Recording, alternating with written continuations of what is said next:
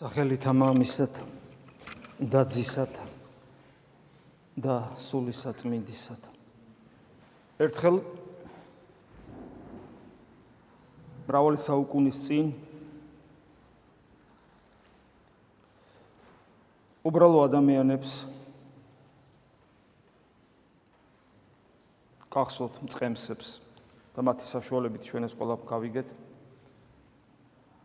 ეცხადებიან ანგელოზები და მოუწოდებენ სიხარულისკენ. ანგელ წემსებს გადაედებათ ეს სიხარული ანგელოზებისგან მოწოდებული და ამ სიხარულის დასტურს იხილავენ პატარა ქალაქ ბეთლემის ერთ-ერთ გამოქვაბულში ცხოველთა სადგომში. როდესაც იხილავენ სამყაროს შემოქმედს ადამიანად მოსულს ჩვილი ბავშვის თვალებით მომზირალს. აი ასე დაიწყო სამყაროს ცოცხალი შემოქმედის ტრანსცენდენტული ღმერთის როგორც ფილოსოფოსებს უყვართ ხოლმე აბსოლუტის ანუ აბსოლუტურად მიუწვდომელი შეუმეცნებელი, უხილავი, გამოუთქმელი. ღმერთის ადამიანური მოღვაწეობა სამყაროში. 30 წელი ფარულად ბოლო 3 წელიწად ნახევარი საზოგადო მოღვაწეობის როლში, ამპლუაში შეიძლება ასე ითქვას, როცა იგი უკვე აშკარად განაცხადებს, რომ იწყებს მოღვაწეობას. აა კანას გალილეაში, როდესაც წყალს ღვინოთ გადააქცევს. და აი ეს მისი ადამიანური მოღვაწეობა დაწყებული კიდევ იმეორებ, აი ჩვილობიდან, როდესაც მანამდე რა თქმა უნდა დედის წიაღში ჩასახვიდან აა ეს ყველაფერი არის ღმერთის ადამიანური მოღვაწეობა ამ ქვეყანაზე, რომელიც გაგრძელდა 33 წელი დაახლოებით. აა თუ რამე ადამიანური განსასწრელი არსებობს, მან ყველაფერი განიცადა თავის თავზე. ჩვილობიდანვე უკვე იგი დევნას განიცდის. ჩვილობიდან სამყაროს ყოვლადძლიერი შემოქმედი ადამიანთა ხელთაგან მსახურებას საჭიროებს. მას ემსახურება ყოვლადწმიდა ღვთისმშობელი მართალი იოსები. შემდგომში თანაშეზდილი იოსების შვილები ძმებად წოდებული უფროსები იყვნენ მასზე. ემსახურებოდნენ ოღონ არა იმ გაგებით რომ ბატონს რომ ემსახურები, არამედ ადამიანს რომ სჭირდება, ჩვილ ბავშვს სჭირდება მოვლა, ხო? აი ეს ემსახურებოდნენ. იროდის უნდა მისი მოკლა ემსახურებიან მას რომ ის წაიყვანონ ეგვიპტეში და გადაარჩინონ. ანუ მსახურებაში გულისხმობ იმას რომ ის თავის ძლიერებას არ ავლენს და როგორც ჩვეულებრივი ადამიანი ისე ცხოვრობს და სხვა ადამიანთაგან როგორც თითოეულ ჩვენგანს განსაკუთრებულად როცა უძლურებაში ვართ ან პატარები ვიყავით ან მოხუცდებით როგორც თითოეულ ჩვენგანს ავადყოფობის დროს დახმარება ჭირდება მასაც ასე სჭირდება და დახმარებას ვერ ვიტყვით მას არაფერი არ სჭირდება. იგი არ არ უარყოფდა ამ დახმარებას და თავის თავს თავის თავს არ ეხმარებოდა როგორც ღმერთი როგორც ღმერთი თავის თავს არ ეხმარებოდა აი ეს ეს ცხოვრება განლომან მაგრამ ეს ყველაფერი დაიწყო იმით, რომ არის მოწოდება სიხარულისკენ. რატომ? იმიტომ რომ ჩვენ უკვე ვიცით, რომ ღმერთი არაუბრალოდ არის, არამედ ის ჩვენთან არის. დიდი მნიშვნელობა აქვს ამას. ჩვენ ვიცით ის როგორია, ჩვენ ვიცით, რომ მას ჩვენ ვუყვარვართ, იმიტომ მოვიდა. ჩვენ ვიცით მას რა უნდა, იმიტომ რომ ადამიანურ ენაზე გამოთქვა. ჩვენ ვიცით ჩვენ როგორ ვიცხოვროთ, იმიტომ რომ მან იცხოვრა და გვაჩვენა. დაგვპირდა რომ მასთან ვიქნებით, მას ეს უნდა, მისი ნება აბსოლუტურად შეუძრელია. მის ნებას ვერავინ ვერ შეეხება. მაგრამ ამავე დროს იგი ძალას არ გვატანს. ჩვენი პრობლემა არის ის, რითაც ჩვენ ღმერთს ვემსგავსებით, ჩვენ ღმერთს ვემსგავსებით ჩვენი თავისუფლებით და ჩვენი პრობლემა ჩვენივე თავისუფლებაა, როცა ჩვენ თავისუფლად ვეუბნებით უარს უფალს არა. ეს არის და ეს. ხან სიტყვით ვეუბნებით, ხან შინაგანი მდგომარეობით ცხოვრების წესი. აი რაც შეეხება შინაგანი მდგომარეობით უარის თქმა ძალიან მტკივნეულია ხოლმე. უმტკივნეულესია. როდესაც ზოგადად ადამიანს რომ უღმერთოს ხედავ ხო ძალიან მტკივნეულია ეს. როდესაც ახლობელს ნათესავს უღმერთოს ხედავ რა თქმა უნდა ძალიან მტკივნეულია ეს. მაგრამ თქვენ წარმოიდგინეთ გაცილებით უფრო მტკივნეულია, როდესაც აა სამრევლო ცხოვრებაში სამრევლო ცხოვრებაში რომელთანაც წლები გაგიტარებია და ვალდებულებიდან გამომდინარე, კი ვინმეს კი რამეს კი არ ვაყვედრით, ეს ჩვენი ვალდებულებაა, ვალდებულებიდან გამომდინარე უამრავი ენერგია დაგიხარჯია. და როცა ხედავ რომ ადამიანს არაფერი არ ესმის, ასეთი ადამიანები თქვენ შორის დგანან. ეს არის ყველაზე დიდი საშინელება და ყველაზე დიდი ტკივილი. როდესაც ხედავ რომ აბსოლუტურად ტყვილალ ტყვილ უბრალოდ საუბრობ, ტყვილ უბრალოდ იხარჯები, აბსოლუტურად. და ამაზე ტკივნეული კიდე ის არის, რომ მე საკუთარ თავს მიუბრუნდები და აღმოაჩენ, რომ უფალი ტყვილ უბრალოდ გელაპარაკება და წლები და წლები გაკ დაკარგული. დაკარგული. ოდესაც შენ ქრისტესი არ გესმის, უბრალოდ არ გესმის. მაგრამ უფალი თავის მოღვაწეობას იწყებს იმით, რომ მოგვიწოდებს ზეციური მხედრობა სიხარულისკენ, იმიტომ რომ ჩვენთვის თითოეული ადამიანისათვის, თელი სამყაროსათვის, არა მარტო იმ წყემსებისათვის, არა მარტო იმ დროს დაბადებულებისათვის, არა მარტო დღეს მყოფთათვის, არამედ სანამ ეს მოხდებოდა ეს ფაქტი ღვთის განკაცებისა და შემდგომში უკანას უკანასკნელ ადამიანამდე, რომელიც სამყაროში დაიბადება, დაწყებული ადამიანიდან საბოლოო ადამიანამდე ყველასთვის სიხარული დაიწყო. ეს სიხარულია ის ღმერთი მოვიდა ჩვენთან. და მას სურს, სურს იმპერატიულად სურს, რომ ჩვენ მასთან ვიყოთ. და დღევანდელ დღეს როცა ამაღლებას ვზეიმობთ, დღევანდელ დღეს არის დასრულება ადამიანად მოსული ღმერთის ამ ქვეყნიური მოღვაწეობისა. ის დღეს ასრულებს ადამიანურ მოღვაწეობას აქ. ადამიანურ მოღვაწეობას არ ასრულებს. აქ დედამიწაზე ასრულებს. თორე ის როგორც ადამიანი, მან თავი ადამიანური ბუნება, რომელიც მიიღო, ან აიტანა ზეცაში, ამაღლება სწორედ ამას ნიშნავს, სწორედ ღმერთი, როგორც ღმერთი, რას ნიშნავს ღმერთის ამაღლება? ღმერთი ყველგან არის, არიცოლება, რას ნიშნავს? გაუგებარია თვითონ ეს სიტყვა, ხო? აქ საუბარია რაზე? მისი ადამიანური ბუნების ამაღლებაზე.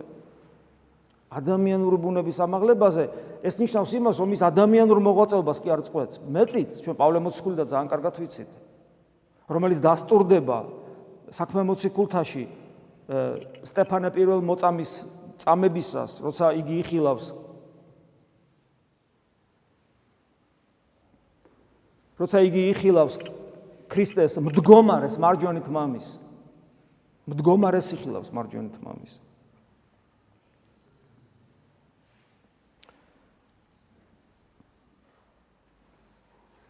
არა მჯდომარეს, როგორც არის, არამედ მდგომარეს, რატომ? იმიტომ რომ მეოხია მის ტკივილებში, თანამგზნობია, თანა თანაელმის ქრისტე სტეფანეს ტკივილებს.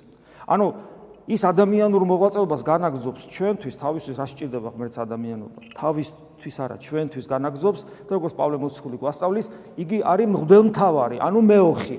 იურიდიულ ენაზე რო ვთქვა, ადვოკატი, მოდი ასე ვთქვა. მღვდელმთავრობა მარტო ადვოკატობა არ არის, მღვდლობა მარტო ადვოკატობა არ არის, მღვდლობა არის მსხვერპლშეწირვა. მსხვერპლად საკუთარი თავი შეწირა ჯვარზე და მარადიულ მეოხად, მარადიულ მეოხად რის წინაშე?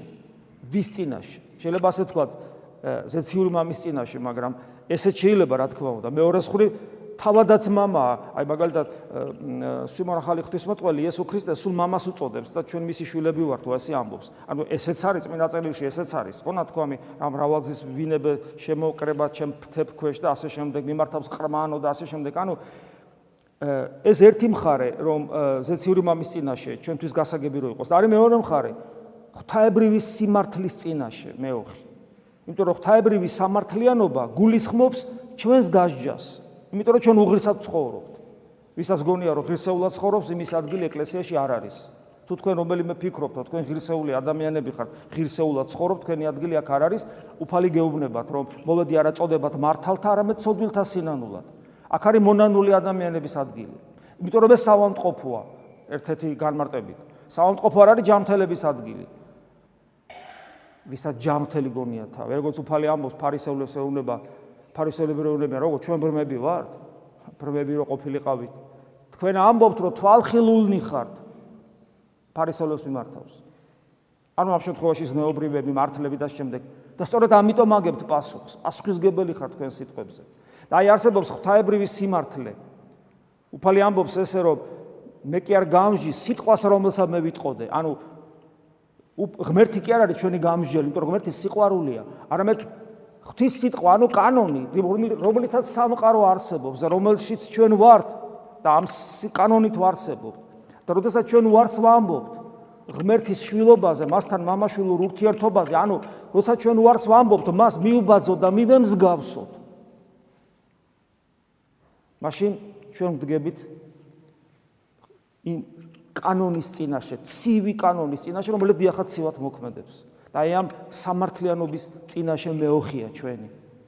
მღვდელთავარი, მეოხი, ადვოკატი, მოდი ესე ვთქვა იურიდიული ტერმინით, იესო ქრისტე. ანუ ის ადამიანობას ადამიანობას ინარჩუნებს ჩვენთვის და თავისი ყოვლის მომცველის სიყვარულით ცდილობს გადაფაროს კანონის სიხისტე და ჩვენი უსჯულოება. რამდენადაც ეს შესაძლებელია, იმიტომ რომ ჩვენ გვაქვს შესაძლებლობა მიუხედავად ქრისტეს აი ამგვარი თავგანწირული სიყვარულისა ჩვენდამი, ჩვენ მაინც თქვათ, არა, არა, არ გვინდა. არ გვინდა და მორჩა, არ მინდიხარ. სიტყვით ამას ნაკლებად ამბობს ადამიანი. ეს მინდა გითხრათ, ადამიანი ამას სიტყვით კი არ ამბობს, არ მინდიხარ. შიგნიდან რაღაცა არის მასში ისეთი, რომელიც ამას აკეთებს, ათქმეინებს ცხოვრების წესი. აი როგორც იუდას დაემართა ეს და ეკლესიის ისტორიას გადახედათ, უამრავ ადამიანს დამართვია ეს. და ჩვენ გვემართება ეს ძალიან ხშირად. როდესაც ჩვენ თავში პოულობთ წუთებს და წამებს, როცა ჩვენ ღმერთთან არ ვართ, ეს ის წამებია, როცა ჩვენ მეუნებით არა, სიტყვით არა. მაგდენი ვაშკაცობა ჩვენ არა გვაქვს. აი ესე შიგნით იუდასავით ღალატობს, მაგრამ არ ამბობს. გასცემს ტრები მოყავს, მაგრამ ამბორს, ანუ ეამბორება ქრისტეს. გესმით? აი აი აი აი ეს და იმიტომაც არის ჩვენ რო ვეზიარებით. არა ამბორს გიყო, ზიარების წინ ჩვენ ყოველთვის ვახსენებთ საკუთარ თავს. უფალს ვეუბნებით, არა ამბორს გიყო, ვითარცა იუდა, არ მინდა მე ეს. იმიტომ რომ ჩვენ შეიძლება ვეზიარებოდეთ და აქ ვიყოთ იუდა შიგნით გულში. იუდობა, იუდობა არ ვლინდება აშკარად. არ ვლინდება. მათ შორის საკუთარი თავისთვისაც. იქ მუშაობს შიგნით რაღაც ცუდი ჩვენში. ამიტომ მუდამ ქონდა ქონდა სიფხიზლე, სიფთხილე. დაი დღეს თავდება ეს ეს უფლის მოღვაწეობა ამ ქვეყანაზე ადამიანური ამ ქვეყანაზე გრძელდება მარადისობაში. აა დამოკიდებულება როგორი უნდა გქონდეს? აი დამთავრდა უფლის ამ ქვეყნიური მოღვაწეობა. ეხლა აი რომ დამთავრდა დღეს თქვა ხო? უკვე მეორე დღიდან მეორე დღიდან ამაღლდა უფალი ელეონის თიდან ამაღლდა ზეცად. მეორე დღიდან უკვე დაიწყო ეპოქა, რომელშიც ჩვენ მიმყოფებით. რა მნიშვნელობა აქვს ეხლა? მეორე დღე ამაღლებისა თუ 21 საუკუნია. თუ უფალი ხორციელად არ გინახავს, აი პავლეს ხორციელად უფალი არ უნახავს, მოციქულია, მოციქულთა თავია, მაგრამ მას არ უნახავს ჩვენსავით, როგორც ჩვენ არ გვინახავს ხორციელად, ისე მას არ უნახავს. ამიტომ არანაირი მნიშვნელობა, თუმცა იქ ცხოვრობდა, მაგრამ იქ ბევრი ცხოვრობდა და ხა მაშინ მოგეხსენება ტელევიზორი არ იყო და სატრანსპორტო საშუალებები როგორი იყო, შეიძლება მეზობელ სოფელში გეცხოვრა და ქრისტე არ გენახა. ამაღლებას დაესწრო დაახლოებით 120 ადამიანი. საერთოდ 500-ამდე მოწაფე ყავდა, რომელსაც ვიგი მკვეთრით აღდგარი ყავდათ ნანახი, როგორც პავლე ამბობს. ამაღლებას 120, ესეც საინტერესოა, ხო? არა 500, არამედ 120 დაესწრო. ხო? იქაც ბოლომდე რამდენი დარჩა მასთან, ჩვენ ეს არ ვიცით. არ გაგიკვირდეთ, 12 იყო და ერთი გამოაყდა და 120-დან რამდენი შეიძლება გამოკლებოდა. ანუ ესე იგი, როდესაც მეორე დღე გათენდა, უკვე მორჩა, იწყება სხვა ეპოქა, როცა იესო ქრისტე ხორციელად სამყაროში აღარ არის. ის ამაღლდა ზეცად. რა არის ჩვენი საკეთებელი? ჩვენ ეხლა ვერ წავალთ ვერსად ქრისტეს ხორციელად ვერ დაველაპარაკებით. კიდევ კარგი. იმიტომ რომ ჩვენ რომ იმ დროს გვეცხოვრა, ჩვენ ვერ გავიგებდით ის ვინ არის. როგორც მრავალმა ვერ უმრავლესობამ ვერ გაიგო. იესო ქრისტეს კი არა. აი დამერწმუნეთ. ახლა რატო იესო ქრისტე ხომ წვერვალია, უსასრულო სიმაღლე, რასაც უნდა ჩვენ ვესწრაფოდეთ. იმიტომ რომ ღმერთია პიროვნულად იესო ქრისტე ადამიანი არ არის, ის ღმერთია და იგი როგორც ღვთაებრივი პიროვნება ადამიანური ბუნებით მოქმედებს. ამიტომ მისი გაგება, ну, თითქმის შეუძლებელია. აი როგორ იგებენ მოციქულები გრიგორის ისეთ რაღაცას ამბობს უფალი ვერან ვერ იგებს მოწაფეების კი ტოვებენ ხოლმე მას ხშირად უბრალოდ რაღაცა რაღაცა არის ამ მოციქულებში ისეთი ნუ პეტრე მოციქული ამბობს საწავალთ შენგან როცა შენთან მარადიული სიცოცხლე აი გულით გზნობენ უდიდესი უმრავლესობა ვერ იგებს იმიტომ რომ ძალიან უსასრულოდ დიდია ღმერთია და აი მისი ღვთაებრიობა რომ ვლინდება ძნელი გასაგებია ადამიანისათვის ამიტომ ჩვენ რომ დროს გვეცხოვრა თითქმის 100% ჩვენ მას უარყოფდით. და ეს საშინელი ცოდვა დაგვედებოდა კისერზე. იმიტომ რომ აი მაგალითად ჩვენ დროს რომ ეცხოვრა არა ქრისტეს, რომელსაც ვერ გავიგებდით, არამედ ან ჩვენ რო გვეცხოვრა, არა მაგ დროს, არამედ გვეცხოვრა მაგალითად ილია ჭავჭავაძის დროს. გავიგებდით ვინ იყო ილია? და წარმოგიდგენთ ილია რო იყოს, ეხლა ილია და აი გამოდიოდეს ტელევიზორში და აი პოლიტიკურ საქმიანობაში მონაწილეობას იღებდეს. ჩავქოლავდით. ილიას ისეთ ჯერ მარტო მწარა ენა ქონდა. ის რომ ილია დაწერდა ამისთანა ბედნიერი ერი და მე და დაგვიწერდა ჩვენ დღევანდელ თათხარიძეს, დაგვიწერდა ლუასაბ თათხარიძეს და მე ვინ აპატიებდა დღევანდელ საქართველოსში ამას ილიას. ვაჟაფშაველას გავიგებდით ჩვენ. ვაჟას გავიგე. აკაკიმ ვერ გაიგო ვაჟა, აკაკიმ გენიოსმა. ჩვენ ვაჟას გავიგებდით ამ გენიოს, რომელიც გაცილებით უფრო დიდი გენიოსია ვიდრე აკაკი. გავიგებდით ჩვენ ვაჟას? ერთი ადამიანი სადღაც სოფელში ცხოვრობს გაძვალტყებული, დაგლახაკავებული, ნახევრად ავადმყოფი, მე თვალი დაკარგა, მე ავადმყოფობა მოკლა გაჭირებაში ესა ჩვენ და რაღაც ზუსტად მეტყველებს რაღაც ფშაურ დიალექტზე ჩვენ ვაჟას გავიგებდით. ფათაშორებს ფშაურ დიალექტზე იმიტომ კი არ წერს, რომ სხვანაირი ლაპარაკი არ შეიძლება, მას ქონა ძალიან დიდი განათლება მიღებული ევროპული. ისე სიტყვაზე, რო ვთქვა. არა, უბრალოდ ჩვენ მას ვერ გავიგებდით. გამორიცხული იყო და აი ასე ყველას და ჩვენ თუ ვაჟას ვერ გავიგებდით, ჩვენ თუ ილიას ვერ გავიგებდით და ასე შემდეგ რომ ჩამოვთვალოთ მე მახსოვს აგერ ზვიადი და მერაბი იმ იმ პერიოდის კომუნისტურ საქართველოში მთელი საქართველო მათ დასცინოდა უბრალოდ. ზვიადის და მერაბის დღეს რო ტაშს უკრავ ჩვენ ვერ გავიგებდით იესო ქრისტეს. ჩვენ ჯვარცმელები აღმოჩნდებოდით მის. მაგრამ მადლობა ღმერთს, რომ ჩვენ მისი ამაღლებიდან მეორე დღეს არსებულ სამყაროში ვართ, როცა ჩვენი ხორცელად არ გვინახავს და არ მოგვეცა საშუალება მისთვის მიგვეფურთხებინა, ან გვეყვირა და ან გვეთქვა, რომ გიჟია ეკაცო რა, აურდაურია აქაურობა და მადლობა ღმერთს ამისათვის. მადლობა ღმერთს იმისათვის, რომ მან ხორცში მყოფმა აქ დისკომფორტი არ შეგვიქმნა. იმიტომ რომ გენიოსი ადამიანის კი ქმნის დისკომფორტს.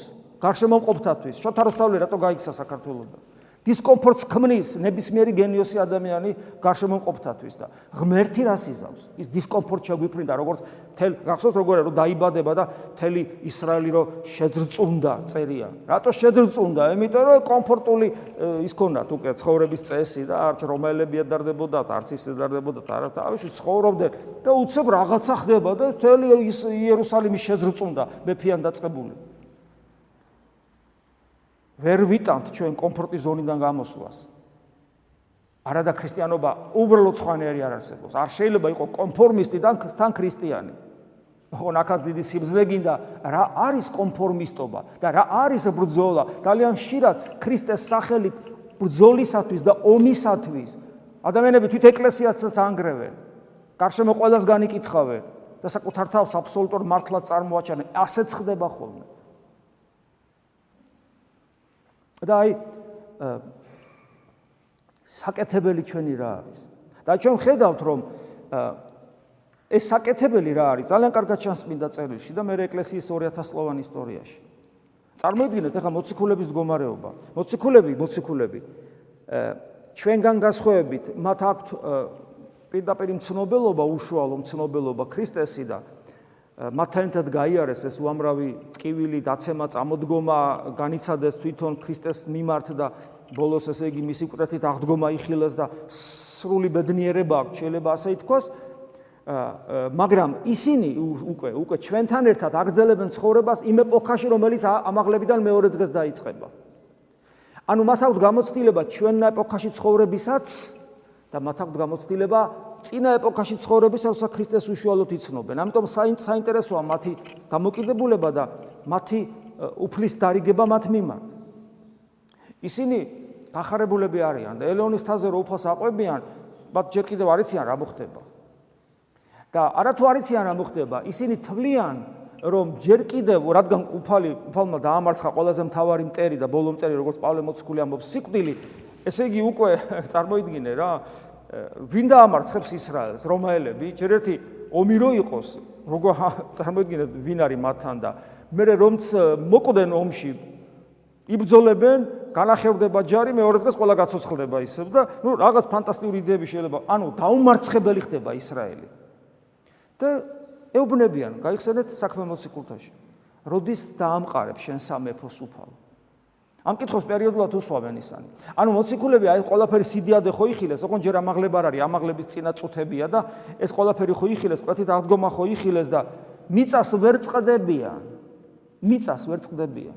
ზეციური მოქალაქეობა ჯერ არიციან რა არის. ისევ მიწაზე დაღუღავენ.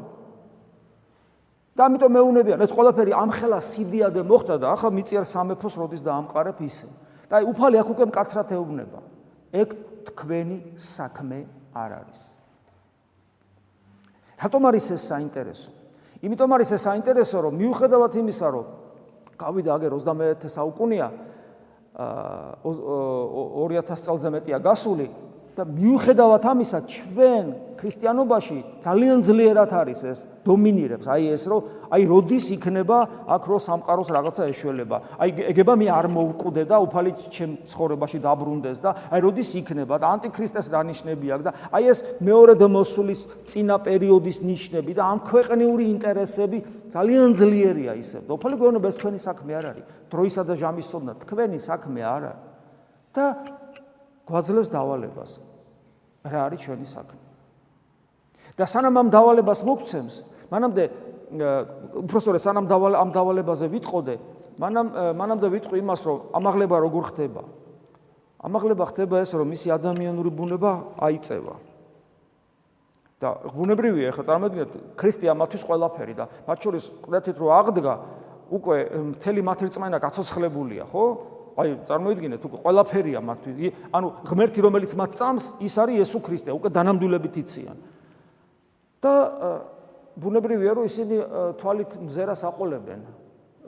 გაოგნებულების შესწუნებულები რა ხდებიან არის ადის ადის ადის ადის და უცებ თვალსაწიერიდან ქრება. ღრუბელმა მიიფარა. ანუ ღრუბელი ამ აშორიოს არნიშნავს ეს არის ღვთაებრივი ღვთაებრივი ღთაებრივი ღრუბელი. ანუ ღმერთი, აი ეს ნიშნავს იმას, რომ ღრუბელი ყოველთვის არის ძოლა თქმაში წესია სიმბოლო ღმერთის ყოფობისა. ანუ მისი ადამიანური ბუნება ღვთის წიაღში იფარება ჩვენთვის. და მორჩა. ანუ ეს კოსმიური სივრცები კი არა იარა. გესმით ხო გესმით? კოსმიური სივრცები კი არა, უბრალოდ მორჩა. დამთავრდა ჩვენ ვეღარ ხედავთ. არ არის ჩვენ თვალსაწიერს მიეფარა, იმიტომ რომ ღვთაებრივ დიდებაში შევიდა. მისი ადამიანური ბუნება. და ბუნებრივია ისინი დგანან ეს. ჩვენ სხვა ესე ვიქნებოდით. თუმცა ზოგიერთი ღვთისმოწყალე საოცარ ამას ამბობს, რომ მათ ანგელოზები საყდრს ეუნებიან, აი ეს რას იყურებით ზეცაში კაცო. და ანუ ზეცაში ყურებას საყდრად უთვლიან ანგელოზები. საქმე რომ მანამდე უფალმა მათ საქმე დაავალა, რომელზეც ჩვენ ვიტყვით, ადრეს გვისაუბრია ამას. მაგრამ აი აა ღვთისმეტყველები ამბობენ, რომ ჩვენ რო ყოფილიყავით იქ, ჩვენ სხვა საყვედურს მივიღებდით. ჩვენ გვეტყოდა ანგელოზი, იმას კი არა, რომ კაცო რას იყურებით ზეცად საქმეს მიხედეთ, ხო, ფაქტურად ესეთი რამე იყო. ჩვენ გვეტყოდა, რომ რას იყურებით მიწაში საქმეს მიხედეთ, იმიტომ რომ ჩვენ გვიჭირს მიწას მოუწყდეთ. გვიჭირს მიწას მოუწყდეთ. ჩვენ გვავიწყდება, რომ ზეცის მოქალაქეები ვართ, ვართ. ჩვენ ვიცით ის თეორიულად, რაც მოციქულებმა ჯერ არ იცოდნენ. და აი ანგელოზი ეუბნება რომ რას იყურებით ზემოთ? რატო იყურებიან ისინი ზემოთ? იმიტომ მიყურებიან ისინი ზემოთ. აი ზემოთ რას ნიშნავს? ახლა სიმბოლოა ხო ზემოთ, იმიტომ რომ ზემოთ ქვემოთ დედამიწა მყვალია, რას ნიშნავს? ამ შემთხვევაში მათი ზემოთ ყურება ნიშნავს მათ აი როგორც არის უფალო ამბობს ახარებაში, სადაც არის საუნჯე თქვენი, მუნცა იყოს გუნდი თქვენი. მათი საუნჯე ზეცაშია. მათი ანუ ყველაზე ძვირფასი, ყველაზე ძვირფასი არა, არასწორია. ერთადერთი ძვირფასი, ერთადერთი, ერთადერთი ჩვენ მის საგარეშე სხვა ღმერთი არ ავიცით, როგორც ვკითხულობთ, ეხლა დღესაც წავიკითხავთ ამ ლოცვას. ჩვენ ქრისტეს გარეშე სხვა ღმერთი არ ავიცით. ერთადერთი, ერთადერთი ღირებულება, იესო ქრისტე ზეცაში ავიდა და მათი საუნჯე ზეცაში, ამიტომ მათი გული ზეცაში, ამიტომ მათ მათ აქვთ ეს მდგომარეობა, რომელსაც ჩვენ ყოველ წირვაზე ვამბობთ, როცა ევქარისტიული კანონი იწყება, ზე გვაქვდინ გულნი, ზე გვაქვდინ გულნი, როცა მღვდელი ამბობს, თქვენ გესმით, ეს ეს არის არა იმიტომ, რომ იმ წამში გვაქვს ზე გვაქვდინ გულნი, არამედ ეს გვაქვს სულ. ეს არის მოწოდება, რომ სულ ასე ვართ ჩვენ. ჩვენ ვართ იმ მოციქულების მდგომარეობაში, რომელთა საუნჯე ზეცაშია და ჩვენ ზე გვაქვთ გული სულ ყოველთვის. რასაც არ უნდა ვაკეთებდეთ. ეს ეს მდგომარეობა. და ეს მდგომარეობა გამსჭვალავს თელ წმინდა წერილს, როგორ მთავრდება წმინდა წერილი, როგორ? ნუ თუ წმინდა წერილი აპოკალიფსი, რომელსაც ანტიქრისტეს გამოძიებისათვის და ანტიქრისტეს გაცნობისათვის და სხვადასხვა ნიშნების ძიებისათვის იყენებენ ადამიანები, რომლებსაც არც თეოლოგიური განათლება აქვს და არც ესე იგი სულიერი გამოცდილება აქვს და დაასდევენ ამ ანტიქრისტეს და ეს ეს არის არსი აპოკალიფსის. აპოკალიფსის არსი ეგ არ არის. აპოკალიფსის არსი მის ბოლოში კარგად ჩანს. მანამდე იგივე აპოკალიფში კარგად ჩანს რომ ქრისტე ამბობს ყოველი ადამიანის გულთან დგავარ და ვრეკ რომ ეგება ვიღაცა მისმინოს და თავდება აპოკალიფსი ანუ თელი ბიბლია ესე თავდება მალე მოდი უფალო. აი ეს ზე გვაქვდინ გულნი. ქრისტე რომელიც ჩვენ გულთან დგას და ჩვენი გული აღტაცებული ზეცაში ეს არის მდგომარეობა ადამიანისა ნორმალური მდგომარეობა. არა ანტიქრისტეს ნიშნების ძიება არამედ ქრისტეთი ქრისტესთვის გული სრულად გახსნათ ამერწმუნეთ თუ ქრისტეს გულს გაუხსნით ჩვენთვის ანტიქრისტეს ნიშანი კი არა. არაფერი არ საშიში აღარ არის, როგორც ადამიანს რო ეშინია ხოლმე ვიღაცამ კითხავმა რაღაცა გამიკეთა. შენ ეშმაკისათვის გაქვს შეფურთხებული ათლობისას.